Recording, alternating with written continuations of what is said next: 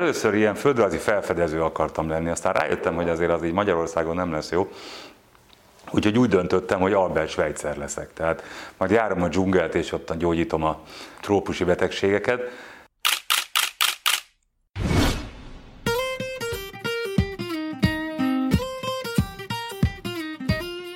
Volt bolti eladó és kőműveskedett is. Igaz, falat rakni csak ferdét tud, vakolni meg sosem akart. Mostanában azt mondja, az éc mellé megkapta a koronavírust is.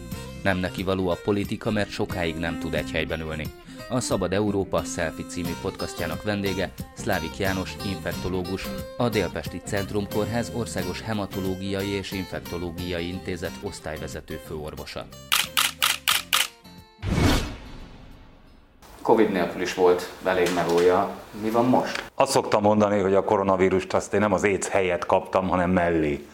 Talán a harmadik szakmám a trópusi betegségek az, ami kevésbé jellemző most, hiszen nagyon kevés ember megy a trópusokra, úgyhogy nagyon kevés olyan ember van, aki valamilyen trópusi betegséggel érkezik hozzánk, de egyébként a nyáron azért volt egy-két maláriás eset, úgyhogy még valamennyire ezzel is kell foglalkoznunk. Hogy lesz valakiből Budapest kellős közepén trópusi betegségek szakértője?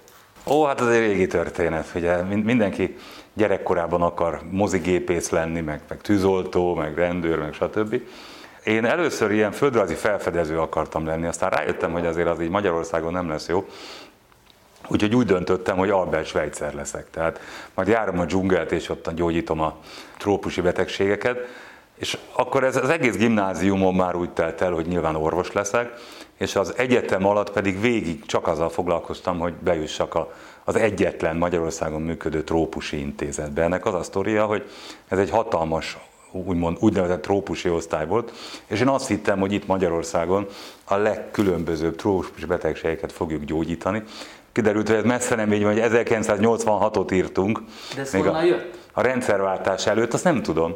És ugye én azt hittem, hogy ebbe a szentélybe belépek, és itt csak maláriásokkal, ebolásokkal, a legkülönbözőbb izgalmas dologgal fogok foglalkozni, és amikor először beléptem az orvosok megbeszélésére, akkor döbbenten tapasztaltam, hogy a pártitkárnak, az édesanyjának a különböző bajairól, panaszairól volt szó. Tehát, tehát ez az osztály egy ilyen kiemelt osztály volt. Természetesen volt trópusi része, sőt, azt kell, hogy mondjam, hogy a rendszerváltás előtt nagyon sok trópusi beteg érkezett Magyarországra. Ezek az úgynevezett baráti országok voltak, tehát Angola, Laos, Vietnám is. Ezekről a helyekről mi nagyon szívesen fogadtunk, hát úgymond üdültetni különböző embereket, és ők rengeteg trópusi betegséget hurcoltak be magukkal, úgyhogy sokkal-sokkal többet lehetett akkoriban tanulni, mint most.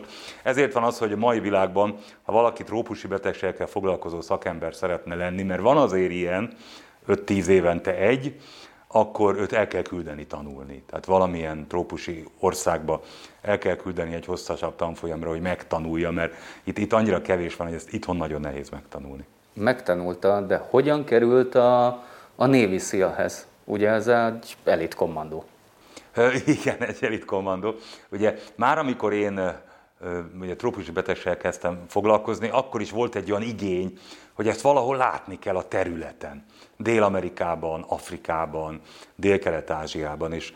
Borzasztó szerencsés helyzetben voltam, mert a főnököm jóba volt ezzel az amerikai katonai orvosa, aki ilyen trópusi tanfolyamokat szervezett, és én Egyiptomban tanultam meg ezt a betegséget, vagy ezt a szakmát, és ez rendkívül izgalmas volt. Ezt mindenhol úgy csinálják, hogy nem egy teremben ülünk, és hallgatjuk az előadásokat, hanem kivisznek a területre, az ország legkülönbözőbb részeire, a legkülönbözőbb kórházakba. Miket látott ott? A, a leprától, a koleráig, tetanusz, rendkívül izgalmas dolgokat.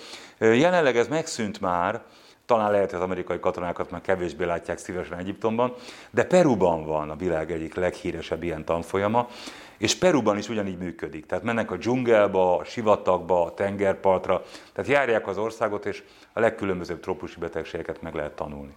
Mondjuk el tudom képzelni, amikor tényleg beesik valaki, és kiderül róla, hogy maláriás, ön pedig dörzsöli a tenyerét, hogy na végre. De hát mégiscsak van egy kákörletünk tökölön. Ennek mi a sztoria? Hogyan alapított kákörletet tökölön? Ez megint csak egy izgalmas sztori, hiszen még az egészségügyben mind a mai napig észlelhető egyfajta félelem, elutasítás, a hívfertőzöttekkel kapcsolatban.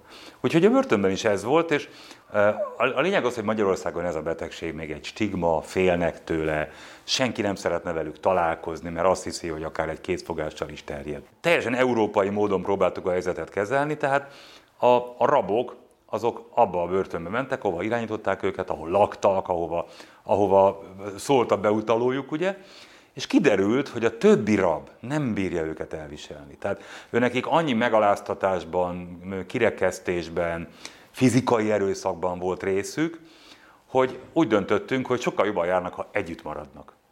Úgyhogy ö, kineveztünk egy úgynevezett K-körletet, ez egy felújított körlet volt, ahol egy-két pricses ugye, cellák vannak, és, és teljesen külön áll az összes többi épülettől. Az egészségügyi személyzet sokkal jobban meg tudja őket közelíteni. Valóban nem keverednek annyit a többiekkel, és még így is, amikor az udvaron sétálnak, bebeszólogatnak nekik a többi rabok, hogy nem akarom mondani, mi van tik is. Hm. Tehát ma még, ma még az AIDS az egy, az egy ilyen fajta megbetegedés. Ennek, ennek az az érdekessége, hogy, hogy az Európai Unióban ilyen nincs. A rabok mindenhol együtt vannak a többiekkel, akár hívfertőzöttek, akár nem. És az Európai Unió kijött kivizsgálni, hogy miért van ez a K-körlet. És, és ők mondták, hogy hát szüntessük meg. És akkor kiderült, hogy nem, a rabok sokkal jobban érzik így magukat. Most kb. 20 vannak benn, és ők sokkal jobban érzik magukat, hogy együtt vannak, együtt tudják a problémáikat megbeszélni. Nekem orvosként kényelmesebb nem 13 börtön meglátogatni, hanem csak egyet a gyógyszert jobban kapják, az ottani nővér ért ennek a betegségnek a kezeléséhez. Tehát kiderült, hogy ez egyelőre, amíg úgymond kevesen vannak, azért a 20 nem kevés, és nem sokára tele lesz, addig, addig ez így jobb. Na most az, hogy mindig ugyanazokat az arcokat látja, ez általában a bűnözői létnek a, a, a titka, mert hát van, aki nem először van már benn, mondhatok számokat, mondjuk ötötször és szinte már ilyen barátként üdvözlik egymást a visszatérő vendégek. Hát ez sajnos a, ezekben a körökben nem ritka, hogy valaki többször vissza. Sőt, találkoztam olyannal, aki valójában tök hálás volt Magyarországnak azért, hogy Magyarországon ö, ö, került ö, börtönbe, és nem Oroszországba. Azt mondta, hogy ha Oroszországba kellett volna letölteni a büntetését, ez egy gyilkosság volt, akkor valószínűleg ő már nem élne, mert hogy ott nem kapta volna sem rendszeresen, vagy egyáltalán a gyógyszereit. Hát sokat mesélnek az ukrán és orosz börtönkörülményekről, és ha már így a fertőzéseknél tartunk, a fertőzésekről. Tehát a, a legnagyobb tuberkulózis gócpont Oroszországban azok a börtönök. Nem csak a rabok, már a börtönőrök is megfertőzöttek tuberkulózisa. Nem beszélve a hepatitis C-ről, ugye a C-típusú mágyulladásról, illetve arról, hogy, hogy valóban ezekben az országokban nehezen elérhetőek a hívgyógyszerek. Tehát vannak nagyon sok európai országban van gyógyszer, de nehezen elérhető és elképzelhető, hogy nem pont a börtönök azok, ahol a hívfertőzötteket kezelik. Ez így van, ilyen szempontból teljesen rendben van. Egyébként aránylag jó körülmények között vannak, egyébként azt kell, hogy mondjam. Magyarországon, aki kív pozitív, az állam biztosítja számára ezeket a gyógyszereket? Szinte minden európai országban, ugye Oroszországot azt tudom, hogy nem, de, de minden európai országban. Ezek annyira drágák, hogy itt ez a 50-70, de még a 90 százalékos szabály sem működne. Tehát, hogyha egy gyógyszer egy hónapra mondjuk 300 ezer forint, vagy 500 ezer, annak a 10 százaléka is nagyon-nagyon sok. Ráadásul ezt úgy, hogy egész életében. Tehát nem egy átmeneti időszak, hanem amíg él fogja szedni. Hogyha mindenhol a világon úgy döntöttek, hogy ezeket a gyógyszereket ingyen, vagy mint Magyarországon úgynevezett doboz díj fejében adják, ez egy doboz 300 forint per hónap. Úgyhogy azért ez így nem olyan drága, de hangsúlyozom, ez mindenhol így van. Magyarországon olyan közepes a szabályozás, tehát hogy ki mit mennyire kezelünk. Vannak olyan nyugat-európai országok, teljesen lazán kezelik, tehát akár a biztosítási jogviszonyt is. Mert nem azt nézik, hogy ő most biztosított, menekült, stb., hanem hogy mennyire veszélyes a, a társadalomra nézve. Ugyanis, hogyha nem szed gyógyszert, akkor fertőz. Ha gyógyszert szed, akkor nem fertőz. Doki, hogyan működött ez, nem tudom, 20-30 évvel ezelőtt, amikor a K-körletet alapítottak, akkor felhívták önt, hogy János, az van, hogy, és akkor gyere már csináljuk meg ezt a körletet. A legelején ez úgy működött, hogy e, így van, hát a, a, magát a körletet azt együtt beszéltük meg, viszont akkor még a rabokat beszállították ide a kórházba. És ráadásul, ugye, ha valaki ismeri a rabokat, az tudja, hogy a rab az unatkozik, és pláne egy hívfertőzött rab, bármikor tud olyan tüneteket produkálni, amivel be kellett hozni. Tehát, hogyha volt tíz rab, akkor tíz egymás követő napon minden nap hoztak egy rabot is. Kirándultak? Igen, kirándultak, ugye jön a nagy rabomobil, és akkor kihozták őket. És akkor ebből nagyon elegünk lett, hogy bármelyik nap jöttem, mindig állt egy, egy rabszállító az épület előtt, és akkor a főnökön mondta, hogy te János, ezt old meg, mert ezt nem bírom tovább, hogy állandóan az őrök cígölték az embereket. És akkor találtuk ki azt, hogy akkor nem ők jönnek ide, hanem én megyek oda. És akkor én ott nézem meg őket, a vérvételek is ott történnek. Ők csak akkor jönnek ide, ha valami olyan komolyabb vizsgálat kell, vagy be kell feküdni a kórházba. És ez így jelentősen megkönnyítette a, a börtönnek is az életét. Milyen viszonyban van a kelkörletesekkel? Hát megmondom őszintén, az elején belittek az erdőbe. Tehát voltak olyan kéréseik, amik, amik az elején hogy mondjam, mai, mai szemmel már nem kellett volna teljesíteni, ez így van. De azóta nagyon sokat tanultam, de ez így van az őrökkel is. Tehát ezt mindenki tudja, hogy egy kezdő őrt simán be lehet vinni az erdőbe, és ezt meg az, meg az én kákörletes rabjaim is tudják. Úgyhogy bevittek ezzel azzal, de hát nagyon sokat szigorodott azóta az élet. Tehát én emlékszem, a, a kezdetekben vittem neki karácsonyra ajándékot, pizzát, sonkát, hogy mégis valamennyire kicsit jobb legyen az étkezésük. Ma már ez teljesen elképzelhetetlen. Se bevinni, se kihozni, semmit nem lehet onnan.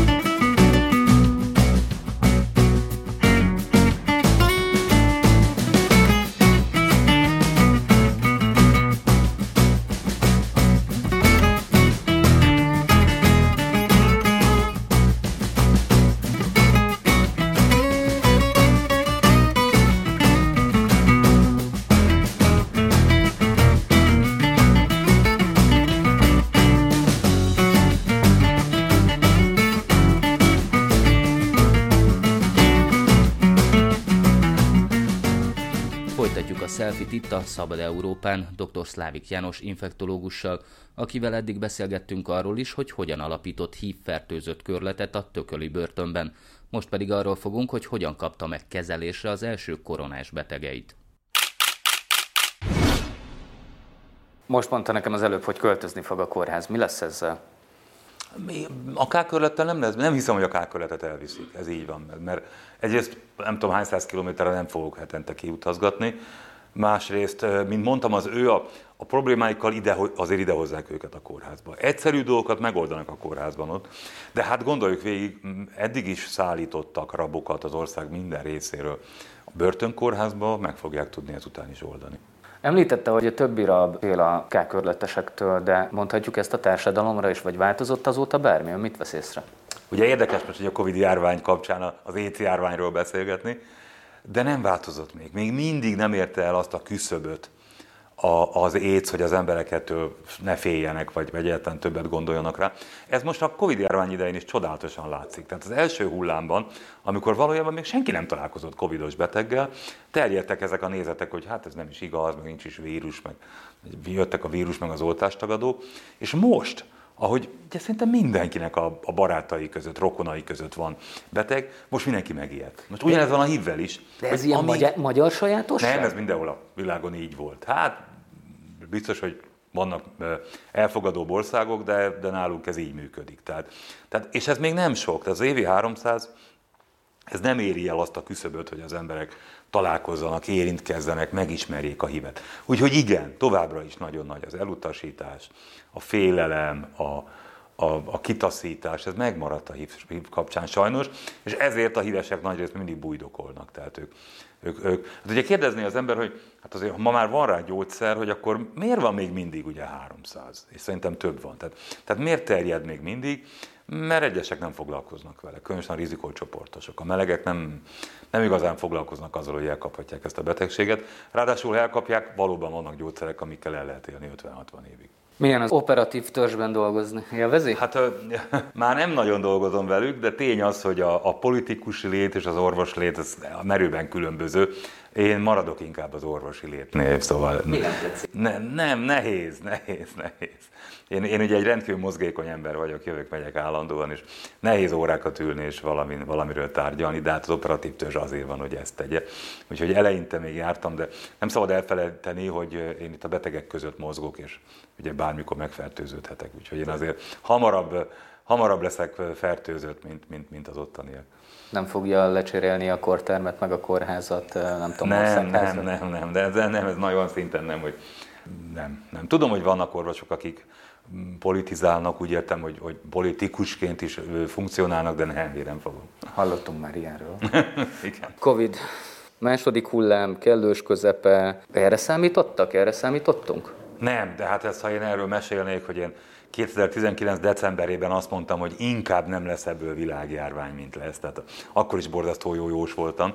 De az első hullám idén is mondogattam, hogy ó, hát a második hullám lehet, hogy enyhébb lesz az elsőnél. Tehát tőlem senki jóslásokat ne fogadjon el.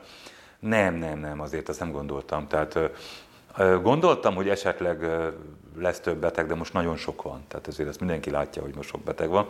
Viszont minden hullámnak van egy, egy, egy, egy, plat, egy csúcsa, egy platója, és aztán elcsöndesedik.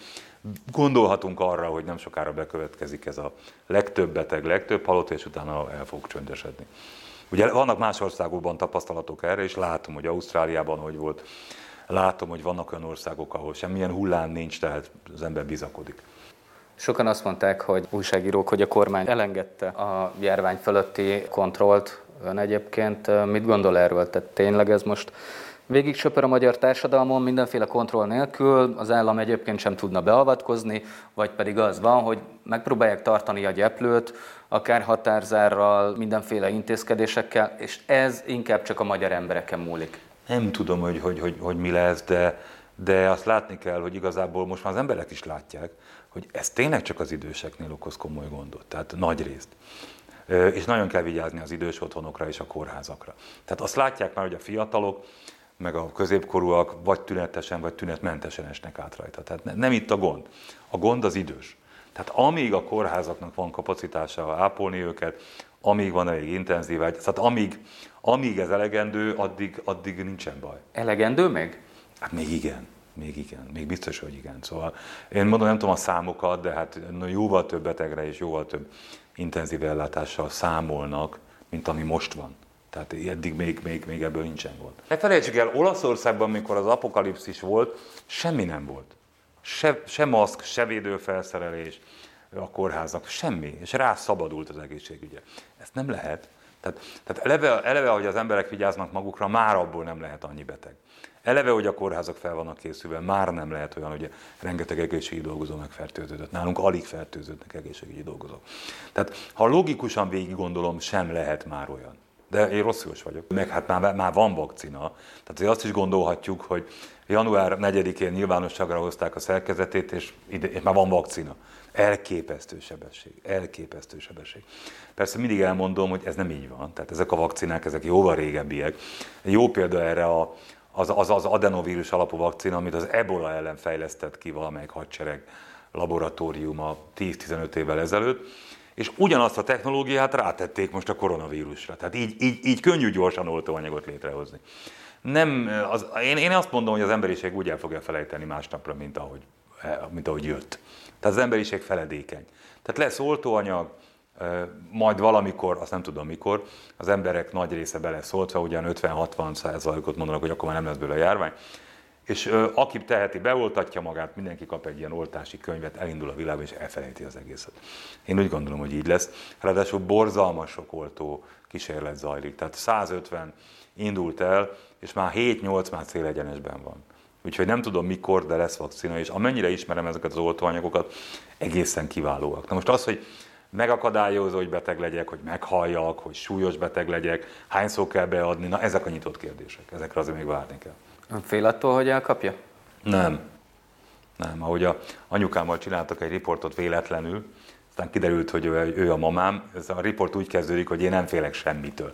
Hát azért így nem, de a mamámtól örököltem, akkor, akkor nem. Nem, nem, nem, hát azért ne felejtsük el, hogy én mivel foglalkozom. Tehát étszel, és akkor is foglalkoztam étszel, amikor nem volt gyógyszer rá. Tehát 86-tól 95-ig nem volt gyógyszer, az 10 év, és nem volt gyógyszer. Tehát, hogyha akkor valaki megfertőződött, az, az igen kellemetlen lett volna. Szülei mit mondtak, amikor ezt elkezdte? Hát ugye akkor, hál' Istennek már akkor lehetett tudni, hogy nem fertőz ez olyan könnyen. Tehát ez, ez, ez nem influenza és nem koronavírus, tehát nem ugrik át egyik emberről a másikra. Teljesen alapvető dolgokat betartva tudjuk, hogy nem fertőződhetünk meg. De hát vannak, ugye ebola, volt az ebola gyanús esetünk, a kolera, a pestést, ezek izgalmas dolgok, be kell tartani a szabályokat. Hát azt szoktam mondani, hogy az itteni nővérek azért voltak óriási előnyben, mert ők tudták. Hát itt, itt volt egy ebola járvány pár évvel ezelőtt, mármint úgy értem, hogy a felkészülés, és a dolgozóknak megmutatták, hogy kell ezeket a ruhákat fölvenni, levenni, hányszor kell cserélni. Tehát szinte mindenki tudta, hogy mi a dolga. És ehhez jött most a koronavírus, a nővérek nagy része, jó része tudta, hogy hogy kell rendesen védekezni egy légúti kórokozóval szemben. Hát így került ide, ugye, ez is egy érdekes sztori, miért a László kórház. Na miért? Kik voltak az első esetek? Fogalmam sincs. Iráni diákok. Ja, tényleg? Az iráni, és Irán az már Magyarországról trópusi ország. És mint trópusi betegek kerültek ide, a trópusi osztályra. És mert ugye hát ez egy, tüdőben, ez egy tüdőgyulladás. És mindig megkérdezik, hogy hogy kerültem én ebbe bele. Hát így, hogy ezek trópusi területről érkező diákok voltak. És aztán pedig már adta magát a kórháznak a kiváló felépítés, ez a pavilonrendszer, hogy különböző pavilonokban jól lehetett izolálni a betegeket, és azóta nem enged el nem enged el, közel 200 betegünk van fekvőbeteg osztályon, és 30 fölött intenzív osztályon. Ez baromi sok. Az nagyon sok, mert általában azért ilyen 40-50 van. Baromi sok mindent csinál, de egyébként mit csinál még emellett, ami mondjuk nem szakma? Betélkedek. Betélkedek, ez a hobbim. Tehát ez, ez a... Kvíz? Uh, kvíz. Telefonon, milliómos. Uh, repülőn, ugye, bár, bármelyik, azokon a repülőkön, a hosszú távúkon ott vannak ezek a játékok. És tévé, hát elég nagy baj, a televízióban újabban eléggé elcsendesedett a legyen is milliómos. De van online verzió, azzal is lehet játszani, és ezt, ezt elmondom most is, hogy egyre nagyon-nagyon büszke vagyok. Tehát, tehát nehéz megnyerni mondjuk egy, egy fődíjat a milliómos játékon. Na jó, én csak játszom, tehát nem élesben mondom. De amikor Magyarországra került az első online legyen is milliómos, nem viccelek, az első az első próbálkozásnál megnyertem a fődíjat. Na jó, hát virtuálisan.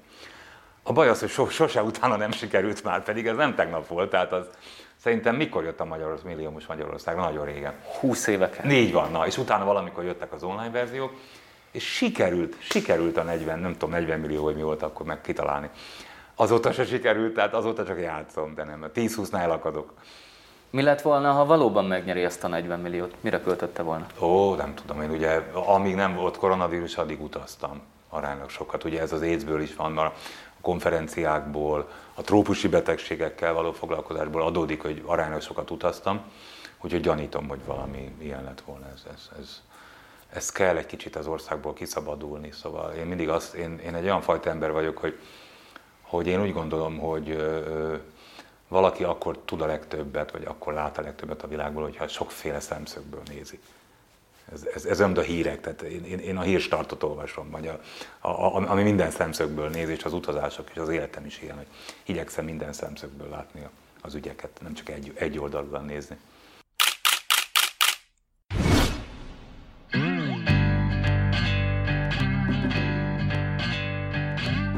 Szabad Európa Selfie podcastjának vendége dr. Szlávik János infektológus volt, aki szerint hamarosan Magyarországon is lesz vakcina a koronavírus ellen, és néhány év múlva már nem is fogunk emlékezni a pandémiára. Jövő héten újra selfie itt a Szabad Európán. Köszönöm figyelmüket!